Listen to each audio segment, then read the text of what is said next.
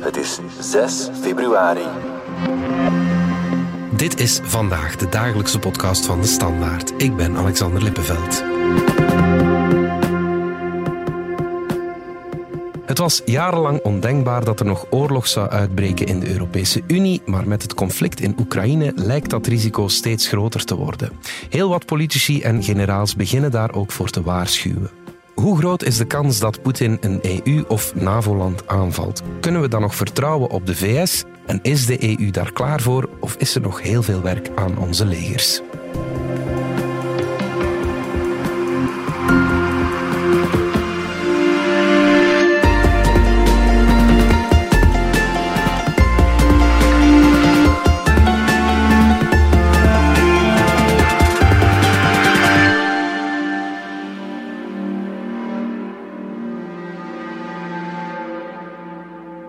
Dominic Minten en Peter de Lobel, jullie volgen eh, voor onze krant de NAVO en alles wat betreft defensie. Dat waren altijd al belangrijke thema's, maar sinds een jaar of twee is er toch wel eh, een pak meer aandacht voor. Hè? Ja, de aandacht is inderdaad helemaal terug. Hè. Dus tot de invasie, de grootschalige invasie van, van Rusland in Oekraïne, werd defensie stiefmoederlijk behandeld hè, in, in, alle Europese landen. En dat is nu de laatste twee jaar echt wel aan, aan het keren. Er was ook vrede in Europa. Ja. Uh, er, er, elk, elk land had nog, uh, nog zijn leger, heeft nog altijd zijn, uh, zijn leger. Maar als daarop bespaard werd, dat leek nooit een, een groot ramp te zijn, omdat ja, die legers die trainden veel en, en die gingen conflicten buiten Europa mee uh, helpen oplossen. Maar voor in Europa zelf leek die noodzaak allemaal een beetje weg. Ja, was, en uh, dat is twee jaar geleden uh, ja. wat op zijn kop gezet. Het was uh, ver van onze deur en plots ja, doet de buur iets geks, laat het ons zo uh, stellen. Um, er is vorige week, Dominique, een NAVO-oefening gestart en dat is zelfs de grootste sinds het einde van de Koude Oorlog. Kan ja, je wat uh, meer klopt, vertellen daarover? Dat klopt inderdaad. Ze heet Steadfast Defender. Okay. Standvastige verdediging uh, in het Nederlands. Een degelijke naam. Een degelijke naam. En het is inderdaad de grootste sinds de Koude Oorlog. Mhm. Mm -hmm. En dat zegt inderdaad veel over die veranderende mentaliteit in NAVO-kringen. Ja. Ze is vorige week begonnen en ze gaat duren tot mei. Ah ja, oké. Okay, ja. uh, er gaan dan ongeveer 90.000 militairen aan deelnemen. Er worden schepen ingezet, uh, tanks, alles wat je maar wil. Mm -hmm. Wat ze eigenlijk willen doen is nog eens oefenen, echt gaan oefenen, om militairen, om de NAVO-militairen, snel te kunnen verplaatsen naar het oostelijke front. Ja. Daar dreigt het gevaar. Rusland wordt in die oefening niet met naam genoemd, maar alles wijst erop. Allee, het is duidelijk ja. dat, dat, dat er wordt getraind om, om het Russische gevaar uh, een halt te kunnen toeroepen. Het is ook daar dat die oefening wordt Ja, gevoerd, nee, het is eigenlijk, het gaat over heel het Europese grondgebied. Ja. Daar worden ook getraind op hoe uh, Amerikaanse soldaten kunnen, snel kunnen overgebracht worden vanuit, uh, over de oceaan en dan richting uh, de oostflank van uh, de NAVO worden gebracht. Mm -hmm. uh, dus Polen wordt belangrijk, de Baltische Staten wordt belangrijk. Dus daarop wordt getraind. Mm. De bedoeling is ook dat er meer gemengde bataljons daar gaan, gestationeerd, gaan, gestationeerd zijn. Ja. sommige zelfs permanent. Oh ja. Dus die aantal bataljons dat daar nu gevestigd of gestationeerd is, is, is verdubbeld. Oh ja. En die oefening die nu bezig, of die nu bezig is, die past daar ook helemaal in. Het is een van de, van de punten die dikwijls ook bij de defensie aangehaald wordt, is uh, van kijk, het verschil tussen ons en ons dan, de NAVO en de Russen, is dat wij dit kunnen. Dat wij hier vaak op trainen op dit soort ja, multilaterale en internationale oefeningen. Mhm. Mm -hmm. Dat wij op, op elkaar ingespeeld zijn, dat er, dat er NAVO-standaarden zijn qua, qua, qua, communicatie en deels in uh, uh, bewapening en, en, en, munitie en zo. Mhm. Mm -hmm. En dat daar echt aan gewerkt wordt, ook in alles. Materieel op elkaar uh, laten inspelen, ja. maar ook ja, hoe je operaties uitwerkt. Ja. En ja, daarvoor heb je natuurlijk dit soort grote oefeningen en nodig. Hoe moeten we dat dan zien? Is het dan een soort van reenactment van ja, kijk, hier ja, komt het, het Rusland gaat eigenlijk binnen. gewoon echt ja, zo, nee, nee, scenario, maar ook, ik zeg het, die verplaatsing van troepen, ook zo van liggen de wegen er goed bij? Ja. Zijn de bruggen stevig genoeg? Kunnen we snel uh, oprukken? Ja. België zal in zo'n geval bijvoorbeeld een, een, belangrijk doorvoerland zijn. Okay. We hebben natuurlijk de, de haven van Antwerpen. Daar, daar zou veel militair materieel langs passeren en zou dan in, in dit geval, en met de dreiging van, van, van Rusland, richting uh, oostflank moeten. En dat is iets wat men gemerkt heeft ook uh, toen, de, toen de oorlog begon en, en toen er ook uh, die eerste groep Belgen naar Ginder gestuurd werd, naar Roemenië dan, dat we al snel daar bijvoorbeeld op, op logistieke problemen botste. En dat gaat dan bijvoorbeeld over, over diepladers uh, die je nodig hebt hè, uh, om, om met een vrachtwagen eigenlijk groot materieel te kunnen ja, verplaatsen. Ja, ja. Het zit op zo'n knelpunt dat je merkt bij zo'n oefening van oei, we hebben daar tekort aan of, of om dat georganiseerd te krijgen hebben we zus en zulk nodig. Dus dat zijn de dingen die je bij zo'n oefening uh, kan testen en kan ja. leren wat werkt er en, en, en, wat werkt er niet. Ja, ja en dan uh, heb je het knelpunt Antwerpse ring nog niet uh, aangehaald. maar bon. um, nu, goed, dit is allemaal een oefening. Hoe groot is het risico dat Rusland een NAVO-land of een EU-land gaat binnenvallen? Dat is toch pure zelfmoord voor Poetin? Dat zegt iedereen. Uh, maar het vreemde is dat uh, de jongste weken steeds meer defensieleiders, generaals, topgeneraals, daarvoor waarschuwen. Het is begonnen eigenlijk met de Polen. De Poolse uh, generaal, ook de, de, de, het hoofd van hun in de militaire inlichtingendienst, heeft dat voor het eerst gezegd dat Europa, of de, de NAVO, er rekening mee moet houden dat het Russische leger, Poetin, eigenlijk binnen de vijf jaar wel eens zou kunnen aanvallen. En dat we dus ja. eigenlijk nog vijf jaar hebben om ons voor te bereiden op een mogelijke aanval okay. vanuit Rusland. Ja. En dat is dan, ja, ik zeg, de Polen zijn ermee begonnen. Dat verbaasde mij niet, de Polen. Ja, ze liggen daar aan die oostflank. Ze hebben er alle belang bij om ja, de dat, paniek misschien wat op te om, om een beetje, toch een beetje ja. de, aan de alarmbel te trekken. Ja. Zij hebben er ook altijd voor gewaarschuwd dat Poetin wel degelijk uh, Oekraïne zou willen aanvallen. Mhm. Dus dat werd ook in het begin allemaal een beetje weggelachen. Maar ja, ze hebben wel gelijk gekregen. Hè. Dus de Polen, de Baltische Staten zijn dan gevolgd. Uh, daar klinkt dat geluid ook al, al, al enige tijd. Even luisteren naar de Letse minister van Buitenlandse Zaken. Now we do feel the war close to us. We understand that if Russia is not stopped in Ukraine, it could continue. And then it's Baltic states who would be next. So it's not mistrust, it's actually preparing for what could come next. And hopefully this could send a message enough to our friends and partners in Europe, in NATO, that we have to take this seriously. Maar dan zijn ze ook zelfs de Zweden. De Zweedse minister van Civiele Bescherming heeft gezegd van eigenlijk is ons land niet klaar om een eventuele aanval ja. af te slaan. We moeten ons daar echt beter gaan op voorbereiden. Ja. Ook de topgeneraal, de, de, de stafchef van het Britse leger, heeft iets in die zin gezegd. Mm -hmm. De stafchef van de Noren en zelfs onze eigen Michel Hofman, Michel ja. Hofman ja. heeft er min of meer voor gewaarschuwd. Ja. Hè? Ja, en, inderdaad ook Rob Bauer, de, de stafchef van de, van de NAVO, om het uh, kortweg zo te noemen. Ja, de grote uh, militaire baas. You need to have water, you need to have a radio on batteries, and you need to have a flashlight on, on batteries to make sure that you can survive the first 36 hours. Things like that. That's simple things. But it starts there. The, the realization that not everything is plannable, not everything is going to be honky dory in the next 20 years. I'm not saying it is going wrong tomorrow, but we have to realize it's not a given that we are in peace. We're not seeking any conflict. But if they attack us, we have to be ready. Het gaat ook niet alleen over materiaal en mensen, maar het gaat ook over de manier waarover we denken over zo'n conflict. Mm -hmm. uh, ik zag onlangs een uh, videootje op, op Twitter van de NAVO, van NAVO-account, uh, waarin een, een Franse militair in loopgraven staat uit te leggen uh, waarom zij dat aan het trainen zijn samen met een, een bataljon Esten. Car, uh, on voit aujourd'hui que c'est le combat de tranchées fait résurgence dans les différents conflits modernes.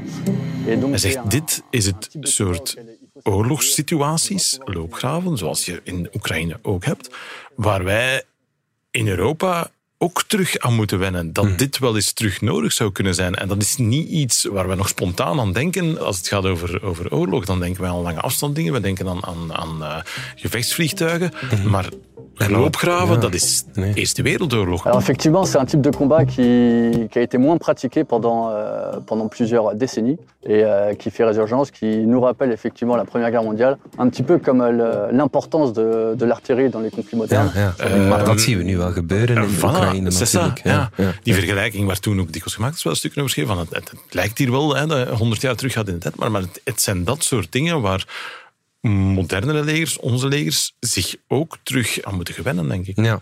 En het zijn inderdaad de militairen die daar nu voor waarschuwen als eerste. Maar je ziet ook bijvoorbeeld de Duitse minister van uh, Defensie, Boris Pistorius, heeft dat enkele weken geleden ook gezegd. Ja, ja. Het idee dat Rusland wel eens een aanval zou kunnen uitvoeren op een NAVO-land, dat we dat ernstig moeten nemen. Ja. Dat dat een mogelijkheid is die binnen dit en dus binnen vijf tot zeven jaar kan werkelijkheid worden. Ja. Aan de oostflank worden er nog iets meer alarm geslagen. Daar spreken ze over drie tot vijf jaar. Dat heeft ook met te maken dat die, dat die landen die dreiging nog acuter voelen. Ja, dat is de eerste linie. Hè. Het is de eerste Ja. linie. voilà. Maar ik zeg, het is, het is een breed gedragen gevoel. Wat meespeelt bij de generaals is ook wel dat zij eigenlijk eh, voelen dat onze legers er nog niet klaar voor zijn. Dus er is enorm veel bespaard sinds het einde van de Koude Oorlog. Eh, is eigenlijk het aantal soldaten dat we nog hebben in Europa, met de Europese eh, NAVO-landen, is met twee derde gedaald. Oké, ja, ja. Er is enorm veel onder geïnvesteerd. Ja. En ik zeg dat is nu wel sinds de invasie is dat, begint dat te keren, maar ja, we, we hebben enorm veel achterstand in te halen. Je kan elke euro ook maar één keer uitgeven. hè. Ja, ja, en elke euro Ja. die je aan defensie geeft, gaat niet naar iets anders. Neem het voorbeeld van de Belgische munitiestoks. Eh, Die zitten op een, op een dramatisch laag pijl. Daar wordt aan gewerkt en dan die, die productie wordt uh, Een paar jaar geleden moesten we pang zeggen tijdens de oefeningen. Ja, bij oefeningen ja, werd, dat, was dat, eh, werd dat meer gedaan. Dat was inderdaad eh, de, eh, de joke. Maar als je die stoks terug op een niveau wilt krijgen dat je eigenlijk op, op de, meeste situaties voorzien bent, als je dan tegelijkertijd ook nog, nog een uitvoer naar, naar Oekraïne wilt doen, da- daar, daar wordt allemaal aan gewerkt, hè, die dingen, maar dat, dat vraagt tijd. Op alle mogelijke domeinen zijn er heel veel noden. En nog eens, die, die, elke euro kan maar, kan maar één keer uitgegeven worden. Dus ook daar is een, een bewustwording nodig. In, in België is dat nu de laatste jaren, eh, die budgetten, dat heeft een knikje gemaakt opwaarts. Dus dat is goed, maar, maar dat, ja, dat gaat nog lang niet in, eh, met de snelheid en, en met de omvang dat het zou nodig zijn om op alles voorbereid te zijn. Het beste bewijs dat het allemaal heel traag gaat, is eh, Europa had beloofd dat Oekraïne 1 miljoen artilleriegranaten zou krijgen tegen het einde van het jaar. Vorig jaar dan eigenlijk. We zijn aan 300.000 gekomen. Ja. Dus die 1 miljoen, ja, dat is nog wel heel ver af. hopelijk tegen het einde van, van dit jaar, zouden die er ja. moeten zijn. En als je dan weet dat bijvoorbeeld, eh, dat zijn toch cijfers die redelijk bevestigd worden, eh, Rusland zou er 1 miljoen hebben gekregen van Noord-Korea. Oh, ja. Dus eh, die hebben ze gewoon, eh, Noord-Korea die klaar liggen, die, hebben ze gratis gekregen. Ja, ja, ja, ja. Straks gaan we nog door op wat we als Europa moeten doen om, om ja, dit aan te pakken. Maar eerst even naar onze belangrijkste bondgenoot, dat is natuurlijk de VS. Zij blijven de grootste bijdrager van de NAVO. In totaal is hun budget het dubbele van het totale Europese budget. Vertrouwen we te veel op de Amerikanen? Ik denk dat dat ook een deel van deze boodschappen van de afgelopen weken mee helpt verklaren. Iedereen weet dat er verkiezingen aankomen eh, in de VS. Eh, een terugkeer van Trump is alles behalve uitgesloten. Als dat gebeurt, ja, de, de, zou er wel eens dramatische gevolgen kunnen hebben voor de NAVO bijvoorbeeld. Ja. De Trump heeft dat eerder al duidelijk gemaakt toen hij nog president was. Hij is absoluut eh, geen, geen fan van dat ding en vindt dat Amerikanen daar veel te veel geld in pompen. Waar hij trouwens gelijk in heeft. En dat is, iets wat, dat is een boodschap die Obama voor hem ook gaf. Ja. Wel op een andere manier. eh, maar dat de Europeanen te veel leunen op de Amerikanen, dat, dat, eh, op de keper beschouwd, daar heeft hij, daar heeft hij een, een punt. And you know, I hate to tell you this about NATO. If we ever needed their help, let's say we were attacked, I don't believe they'd be there. I don't believe. I know the people. I know them. I can tell you country by country who would be there and who, but I don't believe they'd be there. En misschien die bewegingen van de afgelopen, de afgelopen weken, die aankondigingen, hebben misschien ook daarmee te maken dat eh, de, die Europese bevolking daar misschien een beetje moet op voorbereid worden.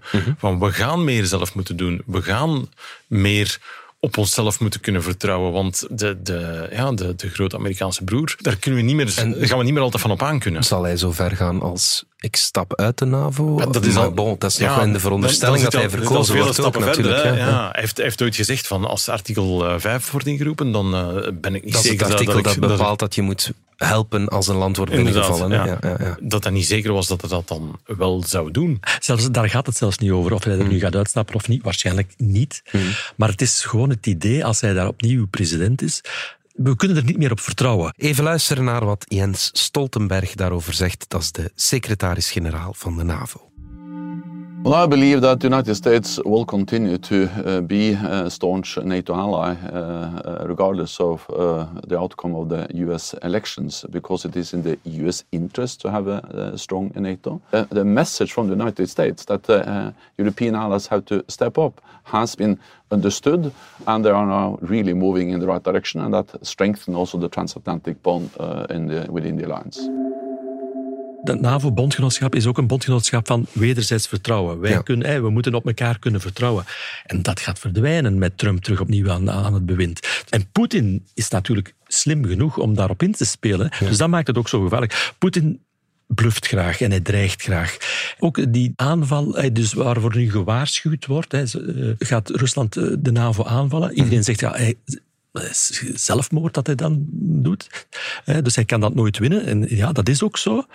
Maar eh, wat hij misschien wel gaat doen, is stel dat hij eh, toch ergens een bom laat ontploffen in Estland of, of, in, of in Litouwen. Ja. Hè, en, eh, Wat gaan jullie doen? wat gaan jullie doen? Ja. Hè, Gaat dan artikel 5 ingeroepen worden? En- Voor dit? Ja. Over dit. Ja. Gaan, Voor- we gaan we dan, misschien, dan ga je al zien van, ja, misschien zeggen de Belgen dan, ja, zo erg is dat nu toch ook weer niet. Hè? Ja, ja, ja. Dus, dus dat, en, en als dan de Amerikanen al niet meer, eh, of nauwelijks aan, aan boord zijn, Ja. eh, ja, dan, dan gaat waarschijnlijk Poetin dat, nog een dat, is het. Op, moment, op het moment dat hij over de, de rode lijn gaat, eh, dat hij iets doet op, op EU- of, of, of NAVO-grondgebied, wat dan dikwijls ook samenvalt, gaan we reageren? Hoe hard gaan we reageren? Mhm. Eh, welk incident is het waard om de weg naar de Derde Wereldoorlog eh, in te slaan? Het- ja, want dat wordt het dan wel natuurlijk. Hè? ja, Ja. Eens, eens dat je vertrokken bent, Ja. eh, kan het helaas Ja. snel gaan. Ja. goed, de Eerste Wereldoorlog, dat was ook één kogel die dat uiteindelijk heeft ja.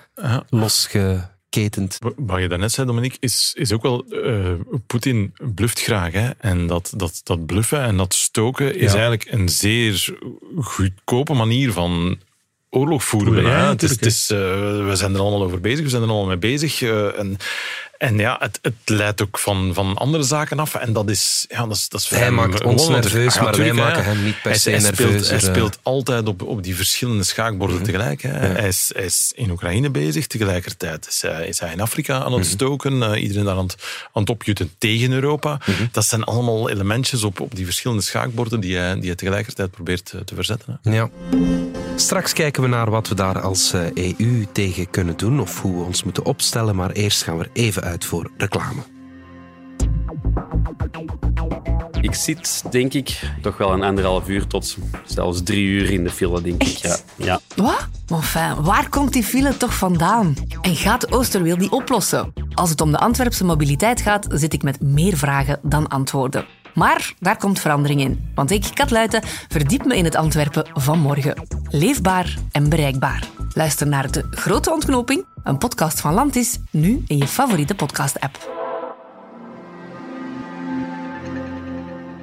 Peter, Dominique, terug naar jullie. Moeten we niet gewoon een Europees leger hebben? Ja, dat zou inderdaad niet slecht zijn. Maar dat ligt zo gevoelig. eh, dat gaat dan over het overdragen van soevereiniteit. eh, betere afspraken maken, daar is niemand op tegen. Maar het, ja, het is ook die soevereiniteit die voor een deel moet overgedragen worden. En dat ligt dus heel gevoelig. Hè? Ja. Ik herinner me dat ik ooit met eh Guy Verhofstadt in, in Londen was. Dat was in het kader van de brexit. En die hield daar een pleidooi om, om inderdaad een, een Europees leger... eh, op de been te brengen. Ja. Ja, die werd weggehoond door de Britten. Die Ja. vonden dat eh, van een potgerukt idee. Ja. Die Europese landen apart hebben niet genoeg geld en middelen om elk een eigen leger op de been te houden. We moeten eens echt veel meer gaan samenwerken en dingen gaan coördineren. Daar zijn we mee bezig, maar dat, zou moeten, ja, dat moet nog verder doorgedreven worden. Zo'n Europees leger eigenlijk ook betekent dat je in sommige landen veel meer van iets gaat doen dan je strikt genomen voor jezelf nodig hebt. Dat je bijvoorbeeld je specialiseert in iets waar dat je dan een, een overcapaciteit in hebt. Ja. En andere dingen niet. Maar dan moet je inderdaad wel op kunnen vertrouwen dat al de anderen het dan jouw gaten komen, komen opvangen en zo. Dus dat is zeer complex om die stappen te kunnen zetten vanuit, eh, vanuit die verschillende landen. Dan effectief dat, dat overdragen van soevereiniteit. Dat wil dan zeggen dat, dat vanuit een, een Europese defensiestaf dat er dan eh, bepaalde beslissingen zullen genomen worden over waar Belgische troepen Ja. ingezet worden. Ja. Nu, daar zijn al wel voorbeelden van. Hè. Bijvoorbeeld binnen de NAVO, ehm, als eh, het luchtruim eh, boven de Benelux, Ja. dat wordt eh, afwisselend bewaakt door Nederlandse en Belgische gevechtsvliegtuigen. Ja, op het moment dat, dat het onze beurt is, dus dat wij bezig zijn, en er gebeurt iets en, en die, dat gevechtsvliegtuig moet ingrijpen, ja, dat valt dan onder NAVO-commando op dat moment. En het is niet zo dat er dan eerst nog getelefoneerd wordt naar de minister van Defensie hier in België om te zeggen, zeg, uh, dat is bezig, we gaan een die daarin zetten om dat te doen. Nee, nee, dan gebeurt dat gewoon. Dus die, ja. zo'n zekere mate van soevereiniteit overdragen, we, we doen dat eigenlijk al op bepaalde niveaus. Maar dat is dan NAVO-niveau natuurlijk. Maar, maar, inderdaad, en met, uh, als je echt spreekt van een Europees leger, dan zit je toch al een, een, een heel aantal stappen verder. en dan zijn we nog belangen niet. Stappen wij dan uit de NAVO? Toch? Nee, wat, er wordt altijd gezegd, als, als er gesproken wordt over, over Europese defensie, dat wordt nooit tegenover de NAVO nee, gezet. Nee, nee, nee, dat wordt altijd, altijd erbij verteld van, kijk, een sterker Europees ja. defensiebeleid binnen de NAVO. Ja. Uh, dat, het, dat heeft ook geen zin dat, dat je zou gaan, gaan afkeren van dat, van dat collectief wat je daar hebt binnen de NAVO we maken ons zorgen over de Amerikanen die misschien binnenkort minder betrouwbaar zouden zijn. Dan moeten wij zeker niet zelf nee, van, nee, van gaan weglopen. Dus, dus, dus dat wil niemand, uh, denk ik, uh, in Europa. Maar wat je nu hoort bijvoorbeeld ook, is dat er uh, bij de nieuwe Europese Commissie die gaat samengesteld worden, dus dat eind volgend jaar komt er een nieuwe commissie, ja. dat er nu wordt gedacht, ik denk bij de EVP wordt erover gesproken, om voor het eerst ook een commissaris te benoemen voor defensie, specifiek voor defensieaangelegenheden. Ja, dus dat is nog nooit gebeurd. Dus het geeft wel aan dat daar wel wat over nagedacht wordt. Ik vind dat in de huidige context misschien zelfs een no-brainer om dat ja, te doen. Ja, ja maar, maar het is wel een grote stap al. Hè? Als, als je ziet van waar we komen.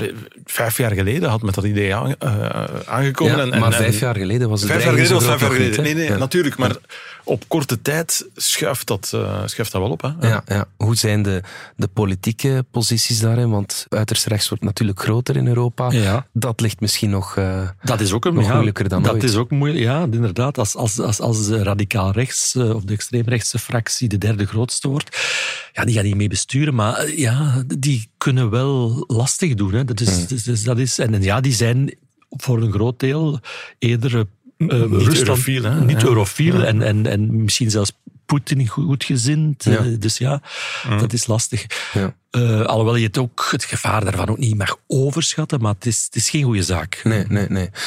Dat gaat dan over beleid en, en strategisch. We moeten natuurlijk ook de soldaten hebben om die legers te bemannen. En met Tom Waas uh, zijn programma alleen gaan we het niet doen, hè Peter? Uh, nee, uh, Kamp Waas is een, is een kijkcijferkanon. Dat is, dat is zeker. Dat was bij het eerste seizoen al zo. Is, is, is nu weer zo, denk ik. Mm. Um, dus bij Defensie zijn ze daar zeer, zeer blij mee. Er is nu ook een, ja, nieuwe toegangspoort voor de Special Forces. Dus waar je vroeger langer moest binnen Defensie al gezeten hebben om daar eventueel kans op te maken om daarbij te komen, zou je nu eigenlijk gewoon je, je kandidatuur kunnen stellen. Ja. Alexander, dus... ik ben er al net iets Nee, je moet inderdaad jonger dan 30 zijn. Ja. um, maar dus bij Defensie zijn ze inderdaad wel bezig met die recruteringen, maar daar botsen ze ook op de limieten van de, de, de jongeren vandaag. Die hun prioriteiten zijn anders dan de jongeren van, van 20, 30 jaar geleden. Of, of van toen er nog, toen er een dienstplicht was. Toen, toen lag het helemaal anders. Mhm. Mm -hmm. Maar uh, het idee dat je ja, voor, voor weken in een, in een kazerne zit en dat je daar binnen een, een strikte hiërarchie moet leven in je opleiding. Uh, geen geen non-stop uh, gsm-gebruik en, en, en niet in het weekend naar huis.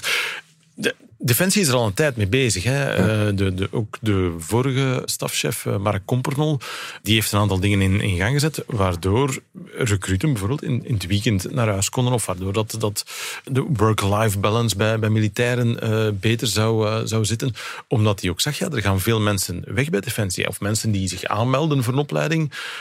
Tijdens die opleiding vertrokken die weer. Of, of kort na die opleiding zeiden die van, het is toch niks voor mij. Hm. Ja, dan heb je twee keer verloren. Dan steek je er geld en moeite in en uiteindelijk heb je dan toch geen, geen uh, nieuwe recruten. Hmm. Dus je kan daar als defensie ofwel vasthouden aan je principes en zeggen nee, nee, nee, zo is het en zo zal het zijn.